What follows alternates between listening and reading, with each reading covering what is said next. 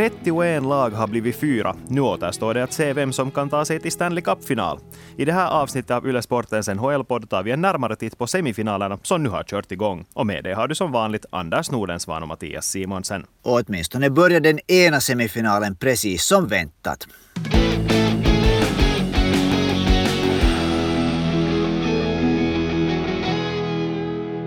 Ja, vi tar och börjar med serien mellan Vegas och Montreal. Golden Knights vann den första matchen med 4-1 och såg ju i ärlighetens namn precis så övertygande ut som vi hade väntat oss. Eller vad Anders? Ja, det, det var nog... Om man kan, om man kan liksom tippa hur en match ska se ut så är det ju nästan deprimerande att den såg exakt ut som, som alla har tippat i förväg. Att Montreal kom, hade de, i första tio minuterna såg Montreal ganska piggt ut, Vegas avvakta och sen tog de liksom över matchen det kan man ju ändå säga att, att, det där, att vi har sett bland annat med Vegas själv att när det har varit en lång paus som det nu var för Montreal så, så kan det hända att laget inte riktigt är inne i sin normala rytm och jag tycker att man såg på något sätt att Montreal kanske inte rörde sig riktigt på samma sätt som det till exempel gjorde som, gjorde som bäst mot, mot Winnipeg. Nej, jag skulle kanske också vilja lyfta fram här hur det såg ut i början av den här matchen och kanske framförallt fokusera på målvakterna. För det som Marc-André Fleury gjorde mellan stolparna för Vegas var ju i princip det att han höll dem i matchen. Montreal kom ganska starkt in i den här matchen kan jag tycka. De fick flera vassa lägen, inte riktigt sådana super, super lägen, men ändå liksom sådana ställen därifrån man kan sätta in pucken. Men Fleury plockade de här puckarna relativt lätt. Och i den andra ändan så kan jag också tycka att Carey Price släppte in det här Vegas 1-0 mål lite väl lätt. Han gled för långt åt sidan efter teckningen, missade var tjej Theodore fanns på blå linjen och lämnade en ganska stor stor lucka som pucken sen rann in från. Men nu var det ju en, en det där ganska fantastisk passning också där som, som ledde till det målet. Jo, jo, nu var det, men samtidigt så man såg ju från första början att Shea Theodore stannade nära tekningscirkeln, istället för att backa tillbaks dit mot den andra sargkanten som backar kanske brukar göra. Och det var kanske det som Carey Price förväntade sig att han skulle göra. Han stannade där nära och medan Carey Price var i rörelse på väg mot mitten av målet så stannade han ju i princip nära den här främre stolpen och pangade in den dit. Och orsaken varför jag lyfter fram det här är det att sen Montreal vann Game 5 mot Toronto i den här första slutspelsomgången så har de inte legat under i en match. De har alltså antingen lett eller så har det varit jämnt i 447 minuter fram till att Shea Theodore gjorde det här målet. Det här är också någonting som Vegas-tränare lyfte fram efter matchen, att, att Montreal hade inte legat under. De var inte vana vid den här situationen. Så med tanke på det var det här första målet alldeles livsviktigt med tanke på att matchen sen blev som den blev. För det att det här baklängesmålet kom så tidigt, det att Montreal, som du sa, de hade inte riktigt ändå hittat rytmen trots att de inledde den här matchen bra. Så det blev ju på något sätt ett så här enormt bakslag för dem. Så de inte, jag tycker inte att de kunde repa sig från det. Nej, och, och det var intressant för som du ser så Montreal, så Montreal såg riktigt piggt ut i början. Jag, jag tycker tycker du att de där chanserna kanske var lite sådana typiska sådana halvchanser som Montreal ganska ofta har varit bra på att skapa men som, som sen inte ändå leder, leder till mål. Det där, uh, men, men det var faktiskt så att det var som ett sånt här, man, nästan som man skulle ha hört ett sånt här knak när Vegas gjorde första målet. Det var på något sätt att, att, att som, som att Montreal tappade tron direkt på att de kan komma tillbaka i matchen. Det var jag lite överraskad över. Mm. Det kändes ju egentligen som att de inte ens kom efter det här, sin 2-1-reducering, kom de inte ens in i matchen på det sättet. Och det ska, det ska vi säga här, eller det ska jag säga här efter att ha kritiserat Carey Price för att ha släppt in ett, ett lite lätt första mål, så efter det var han ju alldeles lysande. Ja, nu, inte, inte, nu, nu, var det, nu var det helt enkelt att, att, att Vegas gjorde det som Vegas är så fruktansvärt bra på. De stryper luften ur motståndarlaget. De är, de är hela tiden fast i dem. De ger dem liksom inga möjligheter till uppspel. Och så har de sådana här killar som till exempel då Alex Tuck och, och Mark Stone som i princip alltid vinner en, en närkamp när, någon, när, när det liksom pucken är lös och det är två killar som strider om pucken så är det alltid Tack eller Stone som kommer ut med pucken därifrån. Mm. Och samtidigt tycker jag också att man kunde känna av att de här Montreals unga killar som har varit så fantastiskt bra tidigare under det här slutspelet inte riktigt var redo för den här matchen. Kanske nervositet, Kanske det helt enkelt var så överraskande att, att Vegas var så bra som de var, för med tanke på vem de har mött tidigare. Så Toronto var, var i ärlighetens namn ganska dåliga. Winnipeg var inte heller bra. och Nu kom, ställdes de mot kanske slutspelets hetaste lag. Och, och det som Montreal mötte första gången nu i slutspel under hela säsongen faktiskt var en riktigt bra backtrupp. Och där tror jag nog att det var en stor skillnad. Vi ska se att Vegas faktiskt, tre av målen gjordes av back backar och det där och, och ett, en back från varje backpar dessutom, vilket är ganska ovanligt. Men förutom att de då levererade offensivt så var den offensiva, att de gjorde, de gjorde mål så var det egentligen en produkt av det hur de, hur de liksom kunde följa med anfallen och det berodde igen på att de direkt när Montreal kom in mot anfallsområde så, så var liksom backarna på dem och vann puckar. Så det var liksom, Montreal har inte varit med om en, en, under hela året en, en sån här backtrupp. Och samtidigt har ju Montreal inte riktigt heller en sån backtrupp som kunde bidra i spelet i offensiven. De, de har ju väldigt stabila defensiva backar, det har vi snackat om, snackat om tidigare också i den här podden, men eh, inte så man hemskt mycket av dem i anfallsväg mot Vegas inte. Nej, för de kom ju ingen, ingenstans liksom. De backarna behöver också den där tiden för att kunna göra uppspel, men nu var det här Vegas forechecken var ju på dem med samma. Det var just sådana här killar som Alex Tack, det var Mark Stone, det var William Karlsson. De är på som iglar så att de fick inte den här andrummet att, att göra, göra uppspel. Så att det, det blev liksom sådär som det, som det ofta blir för Montreal när det är tungt att, att för att komma ut ur den egna defensiva zonen och börja sitt eget anfall så har man använt så mycket energi att det inte mera finns någon gas kvar att man måste så att säga byta in nya killar. Men vi går in på några frågor som vi har fått in om just den här matchserien. Jag tar samtidigt och påminner dig om att om du har en fråga så är det bara att skicka in den på Ylesportens Instagramkonto eller per mail till svenskasporten.yle.fi. Men både Thomas och Jonas undrar om Montreal ändå kan gå hela vägen i det här slutspelet. Men det skulle ju krävas åtminstone en nivåhöjning från den här första matchen mot Vegas. Nu är det ju fruktansvärt osannolikt att de ska göra det och det är liksom det har helt konsekvent genom hela eh, året om man tittar. För att Montreal, vi ska komma ihåg att Montreal var det Eh, laget som kom till slutspel med, med minst insamlade poäng av alla 16 lag och det var från åtminstone analysen var att det var dessutom från den svagaste divisionen i NHL och att de nu då skulle kunna slå ännu två lag så nu är det, nu är det ju helt otroligt osannolikt att det ska ske.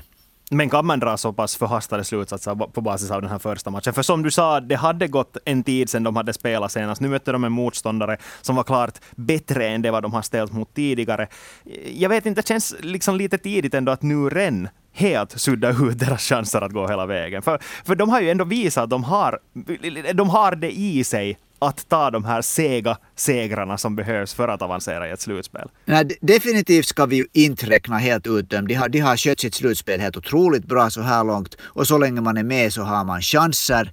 Men det där, det att fast de nu skulle höja sin nivå ordentligt så på något sätt så känns det som att Vegas ändå finns, Vegas finns liksom en nivå över det här att, att, att hur, hur de ska kunna, hur de ska kunna liksom bryta den här muren av, av Vegas sätt att spela som nu både Colorado och före det Minnesota gick bet på. Så det där. Nu har jag hemskt svårt att tro det. Vi har också fått in flera frågor gällande just Montreal. Jonas undrar också vad Jesperi Kotkaniemis roll i laget riktigt är för tillfället. No, alltså han är ju tredje center i Montreal. Det har han nu varit ända sedan dess att, att han kom in i slutspelet då efter att han var borta den allra första matchen. Och en, en kedja som eh, på många sätt tycker jag är en typisk Montreal-kedja.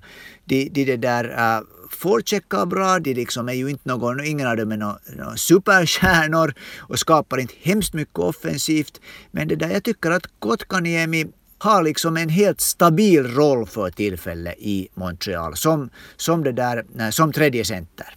Mm. Men samtidigt har ju den där kedjan, eller kanske framförallt Josh Anderson kritiseras för att han inte har bidragit mer i offensiven än vad han har gjort så här långt. Jesperi Kotkaniemi har ju gjort flera mål, men just Josh Anderson är ju ändå en kille som det finns vissa förväntningar på i Montreal. Jo, han är definitivt en av de spelarna som borde stiga fram nu som man har räknat mycket på. Uh, nu har ju Kotkaniemi varit lite, uh, han har ju inte fått utdelning nu på, på flera matcher, men, men de har ändå, de har ändå liksom skapa lägen och det, framförallt så har de lyckats liksom hämta spelet till, till liksom andra, till offensiva änden och, och få, få till, till stånd en tekning. Där mot Vegas var det ganska svårt.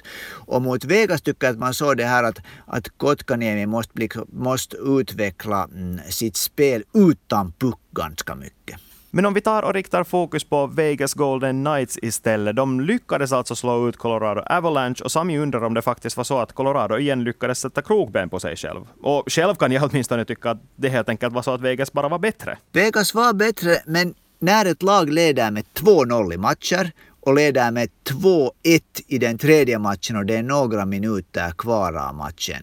Så det där, nu, måste, nu tycker jag ändå att, att vi måste säga att på ett sätt så, så var det, blev det lite krokben som Colorado satt för sig själv där.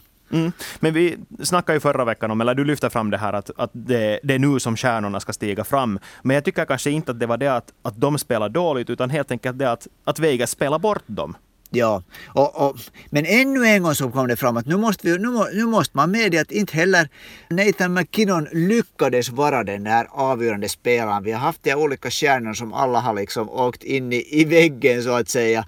Och Nathan McKinnon visar nog en otrolig vilja tycker jag ännu i den där sista matchen. Han hade två assist, han brottades, han, det där, han gjorde nog en bra match. Mikko Rantanen tycker jag också gjorde på många sätt en bra match. Han, han det där är kanske fortfarande lite för mjuk för sina fysiska, förut, de fysiska förutsättningar som han det tycker jag kom fram mot, mot, mot, Vegas. Men Vegas var så fruktansvärt beslutsamt. De, de sa ju efter att de låg under med 2-0, så jag kommer inte ihåg vem det var från laget som sa det, att jag kan berätta med 100% säkerhet att vi kommer att vinna den här serien. Och det sa de efter att de låg under med 2-0.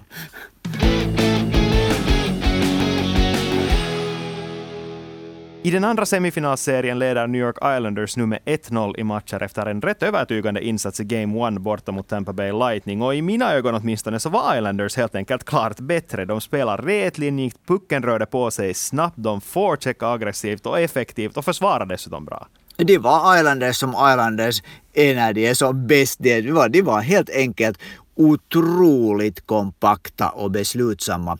Och, och, det där, och här har vi nog en serie som säkert kommer att, det kommer inte att vara på det här sättet, det kan, vågar, jag, vågar jag nästan lova att Arandes kommer inte att kunna fortsätta vara så här dominerande. Men det här var definitivt, det här satt liksom nivån på, på, på vilken nivå Tampa måste spela för att kunna nu äh, riktigt utmana Islanders. Som Islanders är så fruktansvärt bekvämt i sitt spelsätt och de vet exakt vad alla gör. Att nu, nu gäller det för Tampa liksom att inte bara lita sig på powerplay utan börja, börja liksom spela fem mot fem så att säga.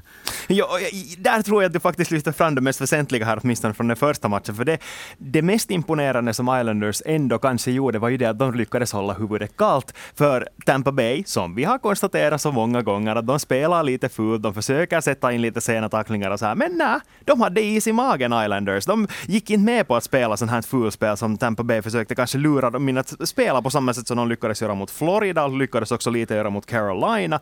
Men nej, Islanders tog helt enkelt inte utvisningar och då var de lite i strile, känns det ju som. Islanders lyckades helt spela bort anfallarna och det är ju anfallarna i princip som har styrt spelet för, för Tampa Bay Lightning och det, det, är ju ingen överraskning i sig heller när du har namn som Steven Stamkos, Nikita Kucherov och Braden Pointer. Man förväntar ju sig att det är de som ska vara de som leder spelet i anfallsväg. Men när man spelar bort dem helt, man tog bort de här passningslinjerna, tvinga i princip Tampa Bay att spela via backarna vid blålinjen och tvinga dem att ta skott. För det var ju så att den absoluta merparten av skotten kom från backarna och det ledde ingen vart. Ja, och just då, och då är Tampas, en av Tampas styrkor är ju att så att säga ta spelet till målet, framför målet. Och det där just så här, no, I slutet gjorde ju Braden Point ett riktigt typiskt Braden Point mål när han liksom, han fick pucken och, och tog den här be, be, berömda forehand backhand och sen pucken upp i, upp i nättaket. Men det där, det, det är just precis det här att, att de, måste, de måste liksom få de måste komma in dit framför mål och, och det där. Där tror jag att, till exempel i fem mot fem så tror jag att, att, att Stamkos och Kucherov behöver åtminstone tillräckligt riktigt mycket stöd för att de ska kunna vara effektiva i den typen av spel. Point är en kille som klarar sig i alla lägen. Men Alex Killorn tror jag att som spelar tillsammans, tillsammans med Stamkos. Jag tror att han har en verklig nyckelroll och han hade några liksom bra lägen men han fick inte pucken in i mål. Men han är en sån här kille som måste vara på topp för att de ska kunna, de ska kunna liksom mäta sig med, med Islanders sätt att spela. Mm. Och Killorn är ju uttryckligen en av de där killarna som lyckas reta gallfeber på motståndarna, men som bevisligen inte lyckades göra det mot Islanders. Men det som jag också skulle lyfta fram här är det att Tampa Bay ändå också gjorde livet svårt för sig själva helt på eget bevåg. Det var inte bara Islanders som tvingade dem att, att passa dåligt, utan de gjorde det helt själva. De försökte sig på för svåra passningar. Det här medgav de också efter matchen. Ryan McDonough sa efteråt att de försökte försökte sig helt enkelt på helt för svåra passningar och Islanders plockade bort dem. Att ibland måste man bara tänka om och ta det där säkra valet, att man bara håller pucken i offensiv zon istället för att försöka sig på en sån här flashig passning rakt till någon ledig spelare som man tror att man, man klarar av. För ibland har man helt enkelt inte ett sånt flyt i sitt spel. Nej, och det som det, som det där uh, Tampa definitivt kan glömma i just det här är att på något sätt försöka, att de ska försöka krypa under skinnet på Islanders med, med det där hårt spel och tacklingar. Det lyckas. Det är liksom, den, den chansen finns inte. De kan fälla en atombomb in i Islanders omklädningsrum och de där killarna märker inte sig. De är så fruktansvärt fokuserade och så liksom, de är så hårdkokta och alla i hela, hela laget. Tampa måste som det där Islanders, en av Islanders-spelarna sa efter matchen att they have to beat us, we are not going to help them on the way. Och här är det ju en väldigt väsentlig poäng att lyfta fram här nu, att är det så att man helt enkelt har överskattat Tampa Bay med tanke på hur effektiv deras powerplay har varit? För deras powerplay-effektivitet har ju varit närmare 40 procent i slutspelet så här långt, vilket är alldeles gal, galet bra. Men nu när de inte får spela i numerärt överläge så verkar de vara illa ute. Ja, men jag tror inte ännu att vi ska säga det här, för nu, har, nu, är det ett, nu är det ett otroligt bra lag och det där. De förlorar nu sen ändå bara med 2-1, det ska vi komma ihåg den där, den där matchen. Ja, men de förlorar ändå. De förlorar ändå, men, men det där, jag tycker att om Vegas visar där hur serien kommer att se ut så tror jag inte att den här serien kommer att se ut på det sättet som den här första matchen visar. Jag tror nog att Tampa kommer att komma in med en helt annan intensitet och beslutsamhet i följande match. För nu, nu, nu tror jag att de vet vad Islanders handlar om. Nu ska vi komma ihåg att de möttes i slutspelet förra året och då vann Tampa den, den, den, där, den bataljen. Så, så där finns nog där finns nog mycket tror jag som de kan omkalibrera. Ja, men samtidigt när man tänker på det så var det ändå spelet i numerärt överläge som följde avgörande till exempel mot Carolina Hurricanes. Det var ju där som Tampa Bay i princip slog sönder Carolina. Om det skulle ha varit bara i fem mot fem så skulle det ha varit en mycket jämnare serie. Nu avgjordes den ju i princip för att Carolina tog många dumma utvisningar får vi väl säga. Mm. Ja, och, och, det, alltså det Islanders kommer definitivt i, att, att ha alla möjligheter att gå vidare från den här. Nu förväntar jag mig att det där när jag tycker att Tampa ska kunna matcha den här Islanders tuffhet och så det där förväntar jag mig att deras den här lite vassare spetsen som jag ändå tycker att Tampa ska kunna lyfta sig. Så än en gång så, så det där är det här att de bästa spelarna måste, måste liksom vara de bästa spelarna. Och nu får vi än en gång se att har de den kapaciteten att också vara de bästa spelarna när det riktigt gäller i slutspelet. Jag tror att det här Tampas gäng nog är kommer att vara svåra att få ut ur slutspelet om vi säger på det sättet. Ja, svårt kommer det alldeles garanterat att bli. Jag tror också att det här kommer att bli en väldigt lång serie. Man hoppas ju nästan att det kommer att bli sju matcher lång. Men en sak också som vi inte har nämnt ännu är ju det att Tampa Bay nu möter en bra målvakt för första gången i det här slutspelet. Ja, äh, en bra målvakt som vi ska komma ihåg att också har haft sina dåliga matcher i det här i, i slutspel. Men de har en annan, en annan bra målvakt där också som kan hoppa in när som helst. Men nu möter ju Islanders också en fruktansvärd målvakt som kanske kan vara bättre än han var i första matchen. Och Vasilevski är nog en kille som, som det där, jag inte skulle vara förvånad, fast han höjer sig också riktigt ordentligt här ännu. Nej, nej, det utesluter jag inte överhuvudtaget, men samtidigt om, om Islanders försvarar lika tätt och hindrar Tampa Bay från att göra mer än säg två mål i en match. Så nu, nu finns det ändå...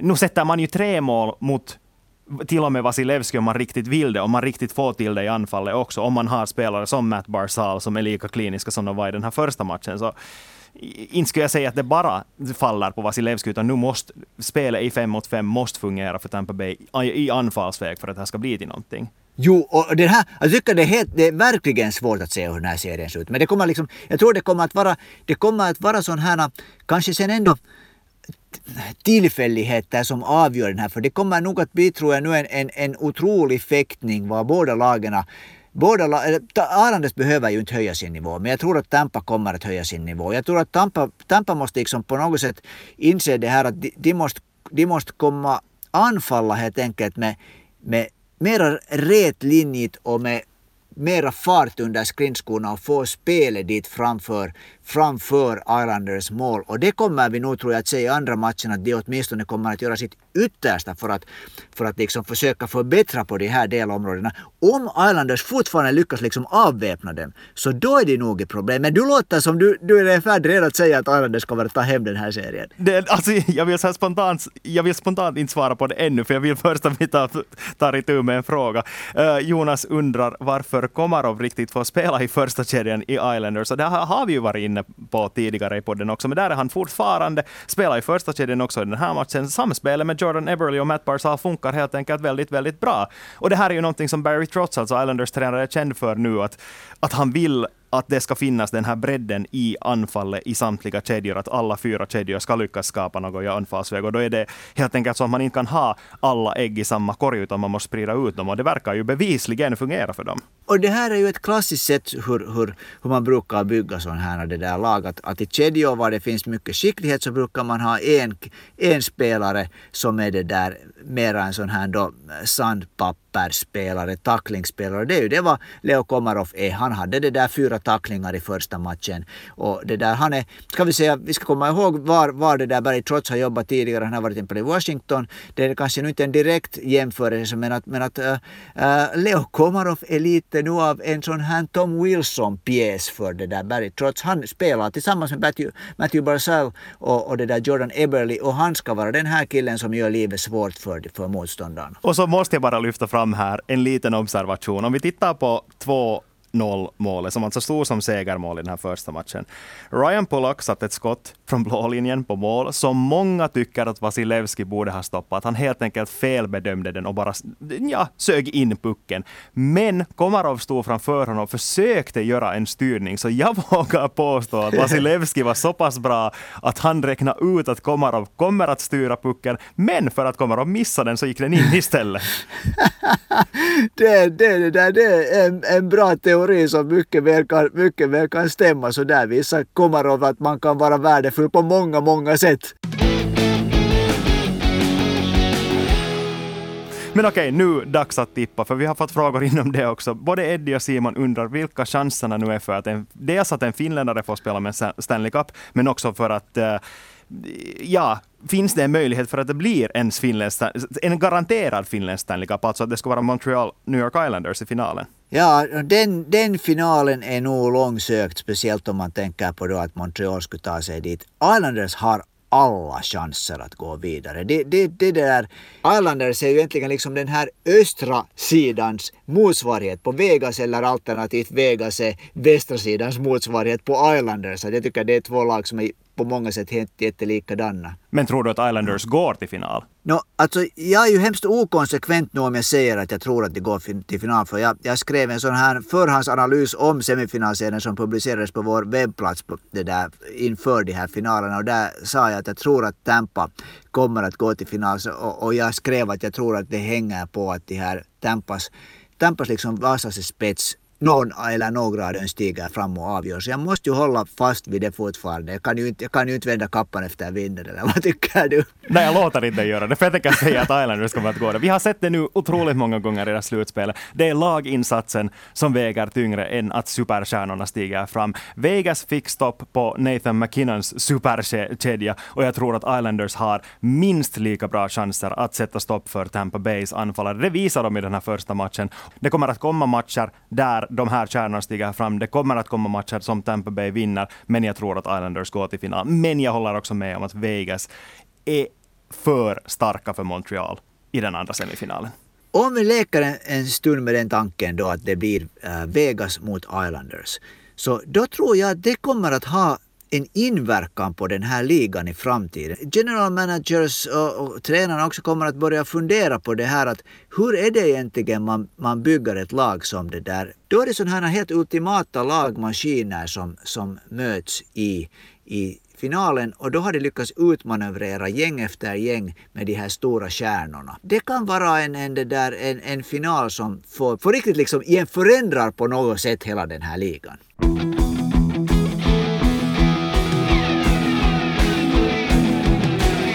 Nog snackat om semifinalerna, för nu vet vi också att Pekka Rinne kommer att få ta emot King Clancy Memorial-priset i år. Alltså som går till den spelare som har visat ledarskap, ledaregenskaper både på och av isen, vilket i praktiken i klarspråk innebär att det är en person som har gjort mycket för samhället också. Och det här är ju ett pris som är väldigt, väldigt ansett och det här är en jättestor ära att Pekka Rinne är den som får det. Och han är den andra finländaren. Saku Koivu fick det här samma priset 2007 och jag tror att, att det där många tycker att han var en, en spelare som verkligen, verkligen gjorde sig förtjänt av det här priset. Och Pekka Rinne på samma sätt, han är den genom tiderna mest populära spelaren i Nashville. Han är en, har varit en symbol för hela den här organisationen. Så det är, han är verkligen värd att få det här priset. Mm, och det här är ju ett tecken också på att för de som inte, inte följer med vad allt han håller på med där i Nashville så visar det här ju att han faktiskt gör ett stort jobb också för samhället i, i Nashville, i Tennessee.